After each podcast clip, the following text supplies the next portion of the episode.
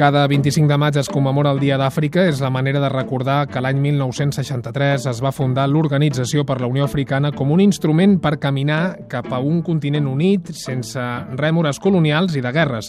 51 anys després, què s'ha aconseguit? És el que analitza un extens article del diari sud-africà Glove and Mail. Cèlia Cernades, bona tarda. Bona tarda. La resposta és clara. La unitat d'Àfrica com a continent és encara lluny. Tant que l'actual Unió Africana, hereva de l'Organització per la Unió Africana original, s'ha fixat com a pròxim objectiu el que s'ha anomenat Agenda 2063, que no és res més que posposar el que van plantejar fa mig segle els impulsors de l'organització, Kwame Nkrumah de Ghana, Haile Selassie d'Etiòpia, Julius Nyerere de Tanzània o Leopold Senghor del Senegal.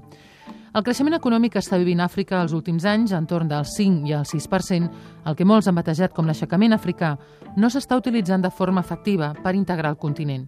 Els líders africans semblen més preocupats per mantenir-se el poder als seus propis països que a forjar aliances continentals fortes.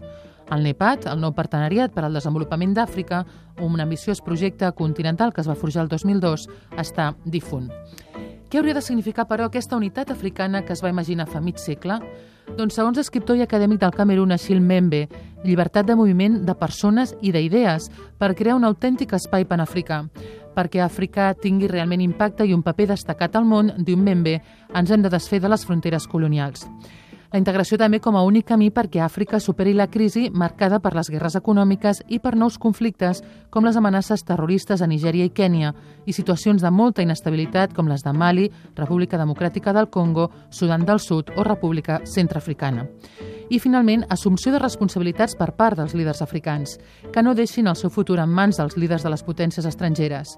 L'últim exemple d'això que cita l'article és la reunió de la setmana passada a París per abordar l'amenaça de la secta Boko Haram a Nigèria.